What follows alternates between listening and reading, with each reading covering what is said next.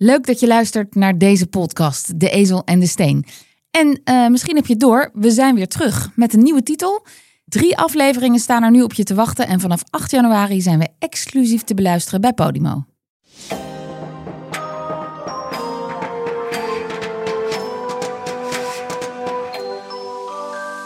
Dit is De Ezel en de Steen, een podcast over wat de geschiedenis ons leert over de kwesties van nu. Want historische parallellen kunnen helpen het heden beter te begrijpen en soms voorkomen dat we ons aan dezelfde steen stoten. Ik ben Lisbeth Staats, journalist en ik hou me letterlijk dagelijks bezig met het nu. En dan vraag ik me regelmatig af: hebben we dit niet al eerder een keer meegemaakt? En voor het antwoord op die vraag zitten hier twee specialisten aan tafel Tim Jacobs, historicus en leraar geschiedenis en godsdienstwetenschapper en veellezer Martine van den Berg laten ons in deze podcast zien dat actuele ontwikkelingen zo ontzettend lijken op de verhalen uit het verleden. En vandaag seks in het nieuws. En dan specifiek de vrouwelijke seksualiteit. Mogen vrouwen genieten van seks? Want een nieuwe ontwikkeling is bij de herdruk van de Nederlandse biologieboeken is nu ook de clitoris en dan het hele orgaan getekend. Voor het eerst, want tot nu toe was alleen dat de penis gegund. Maar er is nu dus een generatie die gewoon leert hoe de clitoris eruit ziet en hoe het vrouwelijk orgasme werkt. Aandacht voor het vrouwelijk geslachtsorgaan en vrouwelijke seksualiteit, ja, is dat echt een nieuwe ontwikkeling? Of is ook dat eigenlijk al een keer gebeurd? Martine, maakt de clitoris een comeback? Jazeker. Je zou dus denken dat het iets heel moderns is, maar feitelijk uh, is de clitoris al, uh, al eeuwenlang uh, bekend en in het nieuws. En in de late middeleeuwen, waar we het over gaan hebben, was het echt iets waar aan de lopende band over werd gepraat, gefilosofeerd. En, ja, want orgasme was toen ook heel belangrijk. Precies, want zonder orgasme kon een vrouw niet zwanger worden. En dus was het voor mannen heel belangrijk om een vrouw tot een hoogtepunt te drijven. En Tim, dat nieuwe biologieboek, heb jij dat op school al gezien? Nee, heb ik nog niet gezien. Um, maar, maar, ik heb mijn relatie met de biologie-sectie is heel, eh, heel, heel matig. Um, maar uh, uh, iemand die de biologie-sectie denk ik hoog heeft zitten, maar die die vrouwelijke vrijheid weer een, nou, in ieder geval een flinke de nek om heeft gedraaid, is, is, is, is Darwin. Die eigenlijk, Darwin? Ja, ja, die heeft waarschijnlijk tegen beter weten in, want hij, of tenminste hij wist beter, heeft hij er toch weer voor gezorgd dat de mannen in hun jagerrol kwamen en de vrouwen als willoze slachtoffers en als uh, nou ja, vergaarbakken voor, voor, voor zaad Dankzij gezien Darwin. werden. Dankzij Darwin. Nou, gaan we zo alles over horen. Eerst een fragment dat ik deze week zag van de serie De Sekszusjes bij de VPRO. Waarin ze seksualiteit bespreekbaar willen maken onder jonge mensen. En hier, in dit fragment wat we gaan horen, spreken ze kinderen op een middelbare school. Wat zou er leuk aan zijn, aan seks? Niet echt veel, denk ik. Nee, denk het ook Misschien niet. om de jongen een plezier te doen of zo. Misschien, ja, want hun vinden dat fijn, heb ik gehoord van de meeste jongens. Hun vinden het fijn als ze hun, hun dominant zijn en dat meisje tolerant is. En dan doen, doen, doe jij hun een plezier. Ook bij leerlingen die wel al seks hebben, zoals Sabine, lijkt het antwoord op de vraag wat nou voor seksplezier zorgt nog niet zo simpel. Weet jij zelf wel wat je fijn zou vinden tijdens seks? Nee, nog niet. Nog niet, nee. Het is wel gezellig of zo. Het is iets dat je met iemand doet of zo. Maar het is niet zo heel bijzonder of zo. Ik weet niet. Het, ja. want, want kan je ook iets in je lichaam voelen dat het, dat het lekker is? Zeg maar, als, het, zeg maar, als je eenmaal bezig bent, dat het hoe langer het duurt, des te saaier de seks wordt als het niet involft. Dus dan is het op een gegeven moment dan is het van, oh, oké, okay, nu is het hetzelfde ritme, nu, is het wel saai. Best wel Ja. heftig, hè? Ja, ik vind het wel schokkend dat je dus anno eh, 2022, dat is dus een meisje dat is geboren nadat dit plaatje al enigszins ging cir- cir- circuleren. Weliswaar niet in de biologieboeken in Nederland, Mhm. maar het was er wel. En dat een meisje in 2022 nog steeds ervan overtuigd is dat het eigenlijk gaat om het plezier van de jongen. Ja. En haar eigen plezier. Nou, daar komt er, daar Nee. is helemaal geen sprake van. Nou, ze spreekt heel mooi het verwachtingspatroon uit. Meisjes zijn een beetje rustig en, en jongens moeten gewoon klaarkomen. Ja. Tim, hoe ziet dat plaatje in die nieuwe biologieboeken er dan precies uit? Nou, ik heb hier eh, ik heb het, eh, ik heb iets meegenomen wat eh, de anatomie van, van de clitoris. Ja, het, is dus, het, is, het is heel anders dan dat ik inderdaad heb geleerd vroeger of gezien vroeger. Het, is gewoon echt een penisvorm ook. Even los van alle andere dingen die eromheen eh, eh, circuleren. En over het lab, nou goed, dat eh, labia hier, labia daar. Maar het is echt een, het is echt een piemel, eh, piemelvorm gewoon. Het is een klein piemeltje als je het zo ziet. En, en hoe heb jij Maar het er dan zijn toch eigenlijk twee, of niet? Eh, Is er één... Nou, op, Er zitten twee van die uitsteeksels aan, toch? ja, een- ja, dus het is eigenlijk het is een, het is een, het is een triangel. Ja. En zo. En dan hier zit een piemeltje. In het midden. Ja, precies. Ja, en die triangel loopt zo. En er zit in het midden zit een piemeltje. En het piemeltje komt dus... Dus het voorkant van het piemeltje, het eikeltje... is dan dus de clitoris die nou, aan, de de, oppervlakte ligt. Ja. En Ja. die twee, en die, die twee eh, die- de zijden van die Ja. triangel zijn dan zwellichamen, toch? Ja, ja, volgens mij wel. Ja, Maar dat dat is is allemaal eigenlijk intern. gewoon groter en meer dan Ja. de piemel. Maar je zei net heel anders dan hoe ik... Nou ja, ik heb dat helemaal niet geleerd op middelbare school. Tenminste, er was een foto van een piemel. van? Ja, jawel. Er was, er was, nee, nou ja, ik dacht dat ik dacht, ik heb natuurlijk altijd gedacht, ook, of minstens altijd op een gegeven moment. Ik heb mezelf natuurlijk ook ontwikkeld en ik ben natuurlijk altijd hongerig naar kennis. Dus ik heb dat ook wel zelf gevonden. Maar het is, ik heb natuurlijk altijd geleerd dat het gewoon een, een, een knopje was. Ja. Een soort lichtschakelaar. Maar goed, waar doet dat ons aan denken? Is dit al een keer gebeurd? Ja, nou, dat, eh, daarvoor zitten we hier. Eh, dat is inderdaad eh, niet een heel nieuw fenomeen. Ehm, wat je eigenlijk. Je noemde net de late middeleeuwen. Precies, wat je eigenlijk ziet in de late middeleeuwen. En dan moet je denken, in, in, in Nederland is dat een beetje in de 14e eeuw. Laten we zeggen, de, de eerste seksuele bevrijding is een beetje laat 14e eeuw. Dat is, valt samen met de, de steden, opkomst van de steden, zeker in Vlaanderen en Brabant. eh, waarbij de seksuele normen veranderen. Dat valt ook samen met een, eh, met de, met de verminderde invloed van de kerk. Je ziet in de kerk, en zeker in de 14e en in begin 15e eeuw, er is veel publieke kritiek op de kerk. Mensen nemen de kerk niet meer zo serieus. En dat heeft dus ook invloed op het seksleven van mensen. Want je moet je voorstellen dat, dat in de middeleeuwen, als de kerk nog regeert, ehm, mensen weliswaar, of dat, laat ik zeggen weliswaar, mensen eh, hebben, mogen geen seks hebben buiten het huwelijk. Hè, dat spreekt waarschijnlijk voor zich. Maar ook binnen het huwelijk was seks beperkt. Ehm, mensen mochten geen seks hebben op zondagen, niet op vaste dagen en niet op feestdagen. Maar in elk geval ehm, eh, kom je dus uit op een, ook, ook binnen ehm, het huwelijk, een restrictie van, van seksueel gevoel. En hoe komt dat nou? Daarvoor moeten we nog een klein stapje verder terug. Eigenlijk zie je al in de oudheid en in het vroege christendom dat vrouwen worden gezien als de jagers. Vrouwen. Precies, we hadden het net over mannen Ja? zijn jagers. Maar eigenlijk was in de oudheid precies het tegenovergestelde stereotype gangbaar. Vrouwen waren namelijk zwak, hadden weinig zelfbeheersing.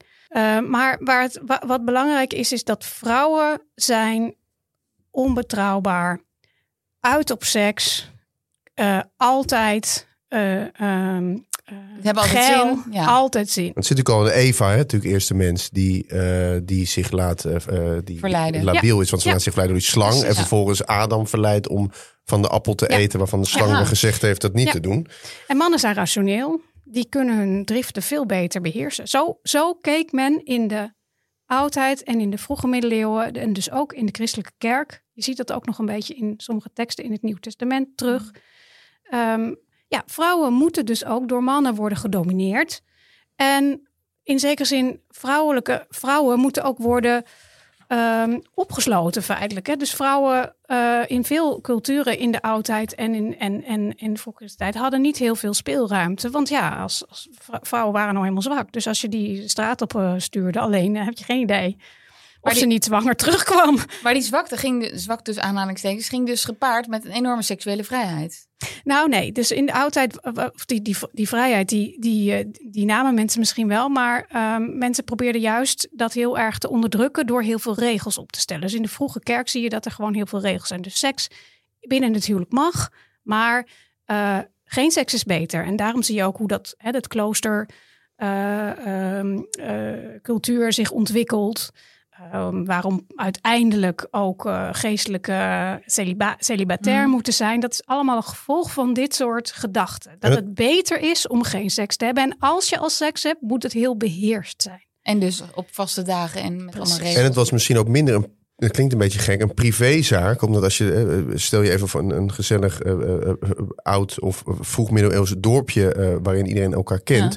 Als je dus allemaal van die regels hebt en je hebt het idee van hè, het moet sober of het moet allemaal op die, die dagen, dan wordt seks ook een soort van gemeenschappelijke eh, eh, zaak. Dat, de, en, en als dat wel te veel gebeurt, dan wordt God misschien boos en dan. Oh ja. dan, dan Sociale dan, controle, Precies, ja. precies. En om, Ja. om waar je net mee begon, dat het, als het dus in die vroege of in die late middeleeuwen, precies. sorry, eh vrijer wordt. Jij noemde heel terecht van dat heeft dat loopt ook een beetje synchroon, synchroon sorry, met de opkomst van de steden. Nou, hè, eh, eh, een stadstucht maakt vrij. En in steden zijn natuurlijk die, is die sociale controle natuurlijk eh, minder groot. En voelen mensen zich minder Ja. verbonden. Beperkt. Ja. En dan waren er ook nog, dus die, die late middeleeuwen, was er ook ineens veel meer ehm, inspiratie. Of je kunt het ook pornografie noemen. Mensen kwamen in aanraking met de, weer opnieuw in aanraking met de antieke verhalen. Hè? Dus die waren heel lang eh, weg geweest. Maar die kwamen in, in, weer, weer in die late middeleeuwen in het, eh, in het publieke domein. Dat gingen mensen dan naspelen. Nou ja, die Griekse goden, die mythologie, daar zit natuurlijk vol met overspel en verkrachting en allerlei seksuele aangelegenheden. Die werden dan op straattheater gespeeld. Dus het beeld van seks was Ja. opeens heel gewoon. Was ineens heel gewoon. Je, kan veel, je kan veel van Zeus zeggen, maar niet dat hij het slachtoffer is van vrouwen die continu achter hem aanzitten. Want die, die hield zelf de teugels. eh, Nogal in eh. Maar goed, als die late Ja. middeleeuwen dan de tijd zijn waarin vrouwen dus eh, relatieve vrijheid hadden, hè, als het op seksualiteit aankomt. Wanneer ging het dan mis? Mm. Nou, dat, er zijn eigenlijk. Wij denken eh, eh, eh, misschien, of tenminste dat, dat dat beeld heerst, ook als ik daarover nadenk, dat dat door de Reformatie onder andere ontstaat. Omdat misschien Reformatie, protestantisme, in Nederland Calvinisme. Nou, wij hebben als wij nu, hè, als wij nu aan, aan de, de, streng protestantse gemeenschap in Nederland denken, dan hebben we daar een heel erg beeld bij van, oh ja, dat, dat zijn die de volgers van Calvijn en in iets mindere mate Luther. En die zijn heel erg streng. En je mag geen tv en je moet een lange rok en je moet zwarte kousen en je Ja, mag ik niks denk niet aan zien. seksuele vrijheid, nee. Nee, je denkt niet aan seksuele vrijheid. Nou, dus dat, dat, dat, dat idee. Maar eigenlijk is dat dus eh, eh, eigenlijk is dat niet zo. Luther is zelfs getrouwd omdat hij graag seks wilde. Nou ja, oké, dat betekent dus wel dat het niet helemaal oké was toen hij niet getrouwd was. Maar het was ook wel zo dat hij binnen, binnen het huwelijk zijn, zijn, zijn lusten eh, kon, kon, eh, kon botvieren. Ehm, Calvijn vond seks binnen het huwelijk ook prima. Er zijn voorbeelden van heel veel. Hè, in, in, na de reformatie Nederland natuurlijk streng of heel erg protestants calvinistisch van, van schilderijen van protestantse nou ja, kooplieden die zich half naakt laten afbeelden. Doen alsof, Ja. ze, alsof ze Venus en, en, en Paris zijn van de, van, van de twistappel. Moet ik die, moet ik die mythe uitleggen? Of, of, of veronderstel ik die bekend bij onze luisteraars? Hoog instapniveau. Nou, goed. Hoog instapniveau. Eh, de, de twistappel eh, Paris eh, liet zich... eh nou, godinnen dwongen Paris de mooiste godin te kiezen. Afijn, een allegorie op... op vrouwen. Dit is wel weer de vrouw natuurlijk als, als, als, als verleider. Maar goed, daar, daar was een borst op te zien op die schilderij. Dus binnen dat, dat, dat protestantisme in de republiek was daar eigenlijk best wel, best wel, eh, Ruimte best wel ruimte voor. Ja, dit- Maar wanneer ging ik het dan mis? Ja, wacht even. Ik denk dat dat, dat ik ben het helemaal mee eens. Ehm, die ruimte was veel meer dan je achteraf zou denken. Ehm, maar ehm, wat, wat tegelijkertijd, en we hebben het dan een beetje over de 16, 17e eeuw. Je ziet wel dat er bijvoorbeeld heel veel eh, protest is tegen ehm, eh, prostitutie. Hm. Dus dus, dus, dus eh, eh, prostitutie, ehm, priesters die of eh, pastoors die het deden met de huishoudens. Daar waren de Calvinisten juist, of de protestanten moet ik zeggen, eigenlijk heel fel op. Dus waar zij vooral op uit waren, dat was seks mag. Seks, seks mag zelfs elke dag, maar wel echt alleen in het huwelijk. Dat was wel echt, dat stond als een huis. Dus, dus het is een beetje van beide. Ze probeerden zeg maar die excessen die je echt wel had in de late middeleeuwen een beetje te beperken en tegelijkertijd ook vrijheid te geven binnen bepaalde Ja. kaders. Ja, en wat ik daar, wat, wat ik daar dan nog ehm, bij wil zeggen, ik weet niet of, of dat de vorige keer eh, duidelijk genoeg heb gezet, maar omdat mensen dus wisten of dachten dat vrouwen een orgasme moeten hebben om zwanger te worden, waren die Calvijn en die Luther dus ook echt bezig met het orgasme van een vrouw. Ja, ik moet het toch even zeggen. waren, ontzettend, waren ontzettende bevredigers. heel graag ja, de, de, de, de bronnen staan er vol mee. Het is, het is ongelooflijk Ja. wat je daarover... Maar, maar, Maar wat En- lees je daar dan over? Wat staat er dan in? Nee, nee, nee. Ik, ik, ik, ik zit er door. Dit is niet, dit is, dit is niet een soort van seksuele Een instructiegids. historische podcast, hè? Waar- waarin als, jij, Luther, als jij eh, over bronnen begint, Ja, nee, je, je, je, je hebt helemaal gelijk. Zeker als ik, maar want, de- maar waar, waar komt dat? Want daar begon jij over. Waar komt dan dat idee vandaan? eh, Eh, of wie, wie heeft dat opgeworpen dat vrouwen moeten klaarkomen om zwanger te worden? Waar, wanneer is dat in zwang geraakt? Nou, dat is eigenlijk al, al vanaf de oudheid. Hè. Dat is iets wat gewoon eigenlijk altijd als bekend werd verondersteld. Maar ehm, of mensen ook altijd precies wisten wat de clitoris was en wat je ermee moest, dat, eh, dat, dat zijn golfbewegingen. Eh, maar in de 16e eeuw, hè, dus eigenlijk als een beetje die seksuele vrijheden op zijn hoogtepunt zijn, dan zie je dat dus ook in de anatomieboeken terugkomen. Dus ehm, hè, dan heb je twee Italianen die eigenlijk een beetje, ja, het is een beetje mansplaining, want die gaan dan allebei roepen: Ik heb de clitoris ontdekt. Ja, dat was dus eigenlijk niet zo, want in de oudheid wisten ze al waar, die zat. Maar ze waren allebei heel trots dat ze het hadden gevonden. En ze gingen het ook, eh, ook tekenen in de anatomieboeken. Het werd vervolgens ook wel weer door andere artsen gezegd van ja, het is misschien toch ook niet zo belangrijk. Of als een vrouw een grote clitoris heeft, dan is ze toch een beetje een hermafrodiet. En waar zit waar, die twee Italianen, waar, waar, waar, waar 16e zitten we eeuw. ongeveer? Oké, 16e ja. eeuw. Ja. Ja, en het is eh, Gabriele Fallapio. Dat was overigens een, een priester. Dus dat is wel interessant dat hij, dat hij, Dat hij daar, dat eh, wist, dat ja. hij dat wist. En eh Realdo Colombo. Dat was een vriend van Michelangelo. Ehm, alleen hij was wat jonger en hij wilde met Michelangelo een boek maken over dit onderwerp. Helaas is dat er nooit van gekomen omdat Michelangelo is overleden. Maar anders hadden we, hadden we misschien nog net even iets meer over de clitoris En, en geweten. wat schreven zij daarover? Nou, zij wisten dus, ze noemden dat bijvoorbeeld de Venusplek. Ze wisten echt wel dat het een plek was die met genot te maken had. Ehm, en in Nederland, we hebben ook een Nederlandse bijdrage aan dit onderwerp. In de 17e eeuw, Reinier de Graaf. Die heeft ook een prachtige tekeningen gemaakt over de clitoris. En echt, die doen bijna niet onder voor het plaatje wat jij aan het begin eh, van de podcast Mhm. uitlegde. Eh, wie het wil, kan ze terugvinden op de website van eh, het Rijksmuseum. Ehm, het is echt gewoon een soort, ja, voor jullie kunnen het zien, de luisteraar niet, maar het, is echt, het lijkt echt verdacht veel op een Ook penis. dit is een piemel. Ja. Ja. En, die, en die, eh, dat wisten ze dus omdat ze anatomie deden. Ze gingen dat echt, echt, echt eh, eh, opensnijden en bekijken. Dus, dus het, was, het was geen theoretische kennis, het was echt kennis. En zelfs in het Nederlandse woordenboek, in, even kijken hoor, 1663 staat bij de clitoris of kittelaar, hè, zoals dat heette. Nou, dat zegt eigenlijk ook al genoeg. Maar er staat, de kittelaar is een langwerpig en knobbelachtig lichaamken. Lichaamken. Ja. 1633?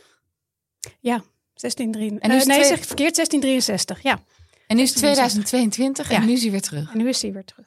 Dus de grote vraag is: waarom is de clitoris verdwenen? En waarom zijn we opgehouden met denken dat vrouwen van seks houden? Wat is er in de tussentijd gebeurd? Ja, waar ging het mis? Waar En we kunnen in ieder geval de protestanten niet de schuld geven. Nee.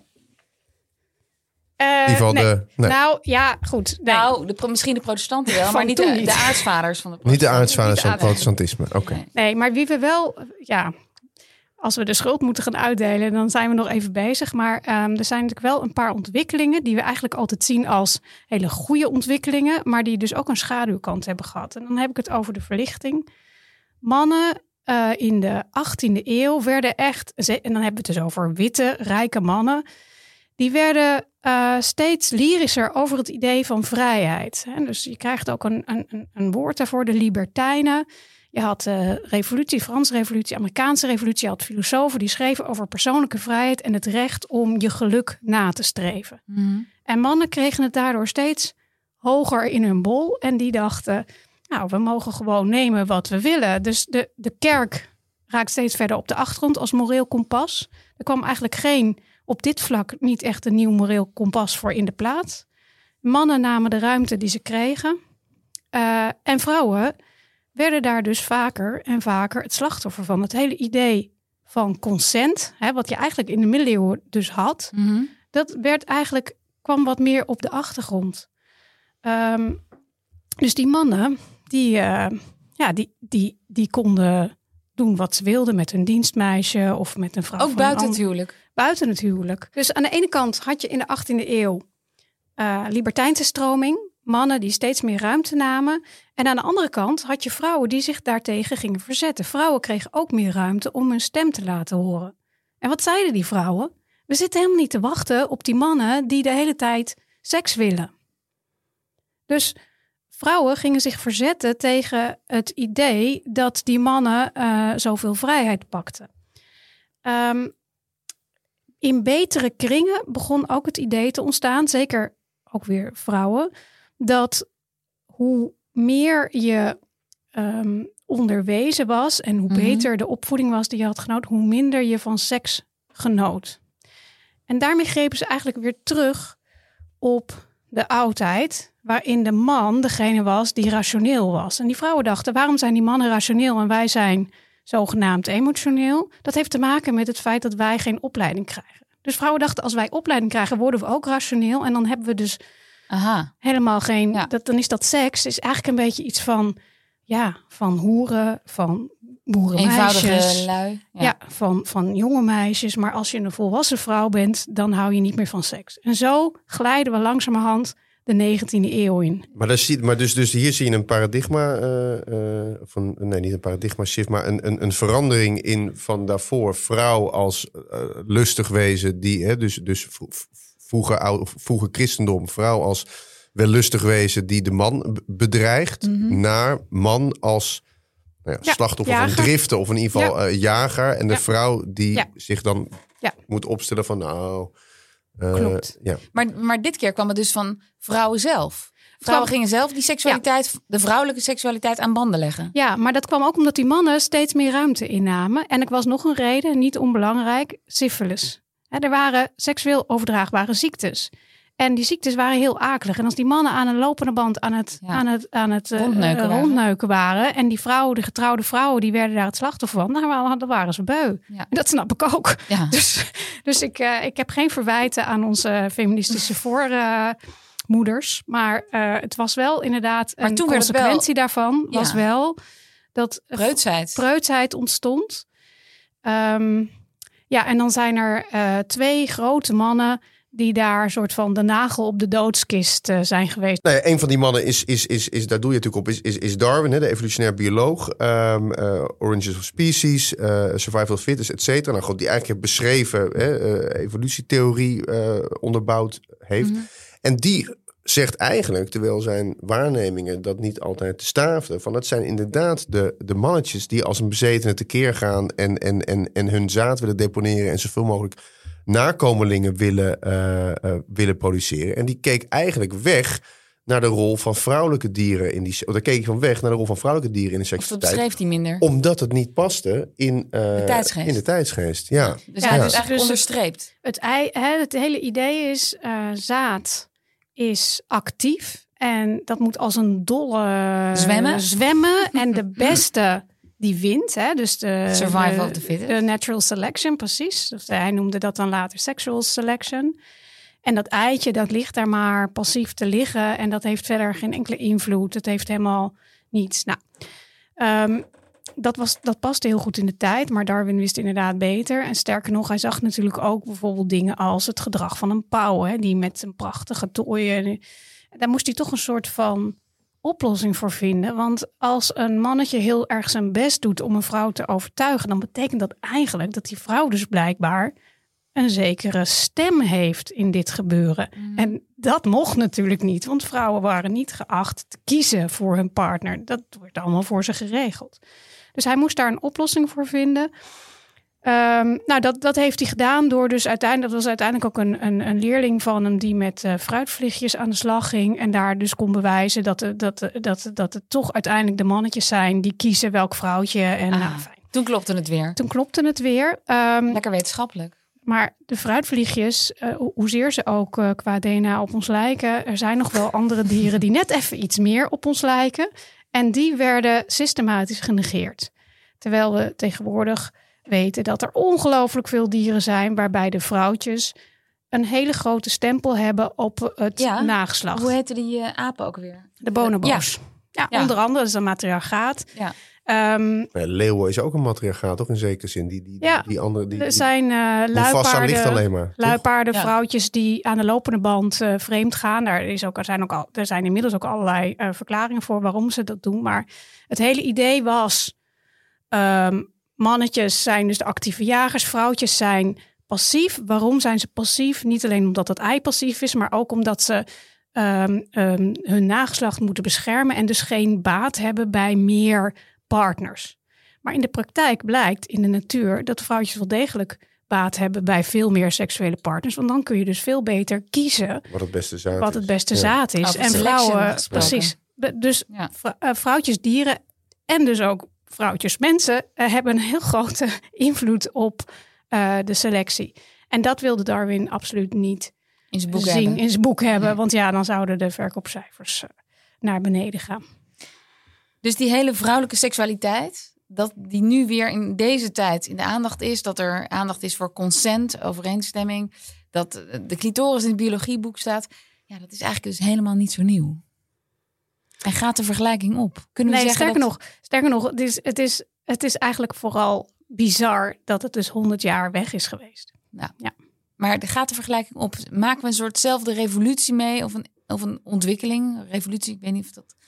Als, als de late middeleeuwen. Ja, het heeft dus een iets ander accent, omdat in de middeleeuwen wist men al van de clitoris. Was niet de clitoris de drijvende factor, maar was het meer ehm, het feit dat de kerk wegviel en dat mensen eh, zin kregen in seks. Nu is het eigenlijk eh, in dat opzicht een beetje anders. Hè. We, komen, we komen ergens anders vandaan. We komen van een situatie waarin vrouwen worden gezien als passief en mannen als actief. En we staan nu voor aan de vooravond van een herinterpretatie daarvan. Vrouwen nemen steeds vaker eh, het voortouw, durven hun recht op plezier op te eisen. Maar tegelijkertijd heb je dingen als Me Too. En dat is natuurlijk in die zin is het een unieke combinatie. Maar het is wel weer een revolutie. Dus wat is er gelijk? Dat is dat het weer een nieuwe golf Golf is. in Ja. een lange, lange golfbeweging van, ehm, eh, eh, van seksuele ontwikkeling. Dus het is niet een rechte lijn omhoog of omlaag, maar het is een golfbeweging.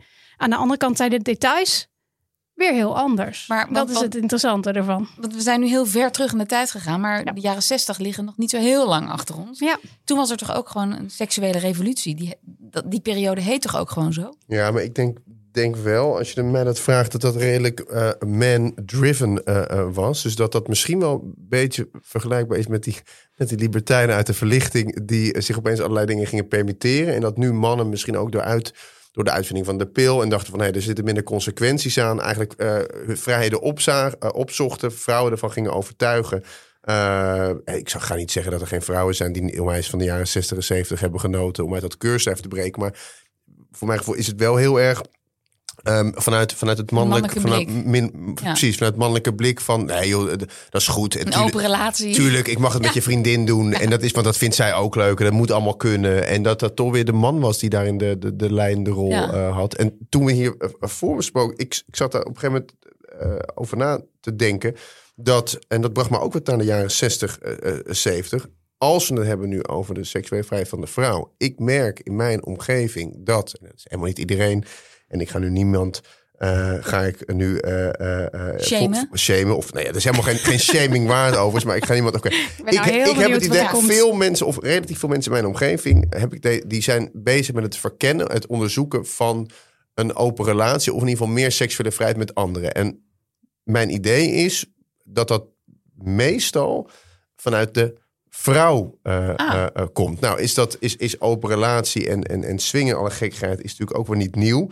Leuke anekdote, tenminste vond ik zelf veel. Mijn, eh, mijn oom en tante, mijn tante is inmiddels overleden, God hebben haar ziel, eh, sprak ik drie jaar geleden en ik vroeg van, goh, eh, Wat deden jullie in de jaren wat 70? deden jullie in de jaren 70? Nou, toen woonden zij in, in, in Gouda of in Reewijk. Nou, dat ligt heel dicht bij elkaar. Wil, ik even vanaf zijn. Ik zeg, goh, waarom zijn jullie eigenlijk weggegaan naar Alphen aan de Rijn?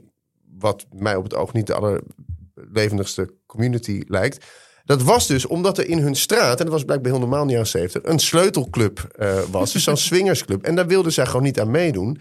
Ehm, Die zijn gewoon weggekeken uit die Precies, straat. en ik denk dus bij die sleutelclub, de, de, de, de mannen, eh, eh, hè, dat dat was van, goh, leuke buurvrouw, doe ook even mee, moet allemaal kunnen en eh, eh, we gaan kijken. Ja. Ja, ja ik, ik heb het ook wel eens gelezen dat, dat de jaren zeventig en de vrije seks, dat dat vooral voor mannen heel goed nieuws was. Dat die dat vooral als heel leuk hebben ervaren. En dat vrouwen Ja. daar toch een beetje anders En toen op kwam terugkijken. AIDS. En eh, toen was het eigenlijk alweer over. Dat heeft natuurlijk een enorme domper Ja. gezet voor al die mannen. Maar we hebben nu heel veel periodes genoemd. Welke parallel is nou het sterkst? Nou, de, de, de, het, het, het- voor mij, ik weet of de, de parallel is. Het is de golfbeweging is heel duidelijk. Dat wij nu denken dat, dat, dat, dat deze seksu- nieuwe seksuele revolutie met blik op de seksualiteit van de vrouw, dat dat iets nieuws is. Dat dat dus onzin is, dat dat heel lang weg is geweest. Maar dat dat heel lang, in dus die late middeleeuwen die Martine beschrijft, dat dat eh, nou ja, eigenlijk heel eh, gewoon, of in ieder geval heel, heel, heel bekend was. Met als nou, extreme voorbeeld waar we begonnen zijn, wat ik echt ongelooflijk vind. Je zit, ik ga nu voor de luisteraars, ik, ga, ik ben nu handbeweging aan het maken.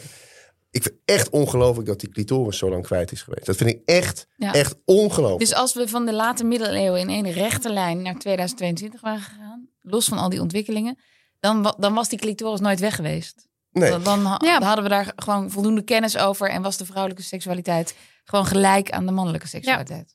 En die clitoris is dus hier en daar nog af en toe eens opkomen zetten, zelfs in de 19e eeuw. Maar dan waren er dus ook vrouwen, vrouwen Ja, die dan zeiden in de boekjes over eh, huwelijk. Hè, dus ik schrijf een boekje over hoe meisjes het huwelijk in moeten gaan. En dan zeiden ze gewoon, eh, eh, je moet vooral altijd doen alsof je hoofdpijn hebt.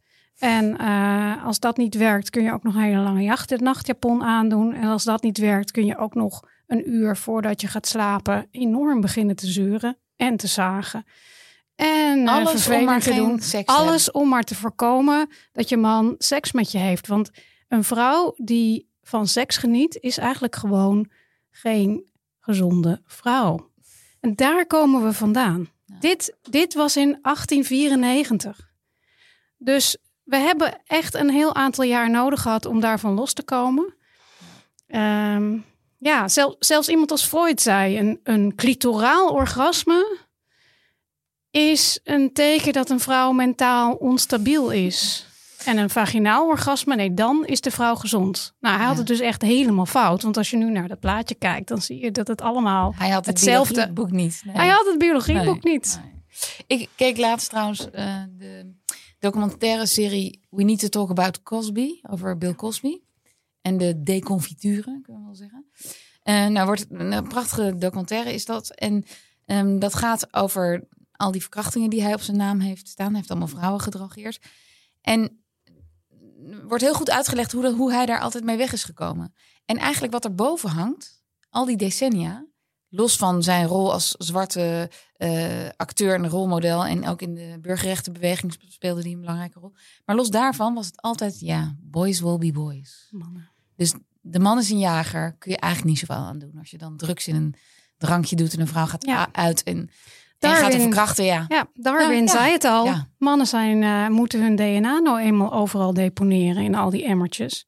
En eh, dat hebben tot en met nu de jongens van, eh, wat was het, Vindicat of een Nee, van die andere. Amsterdamse Oh, sorry. AC, ja.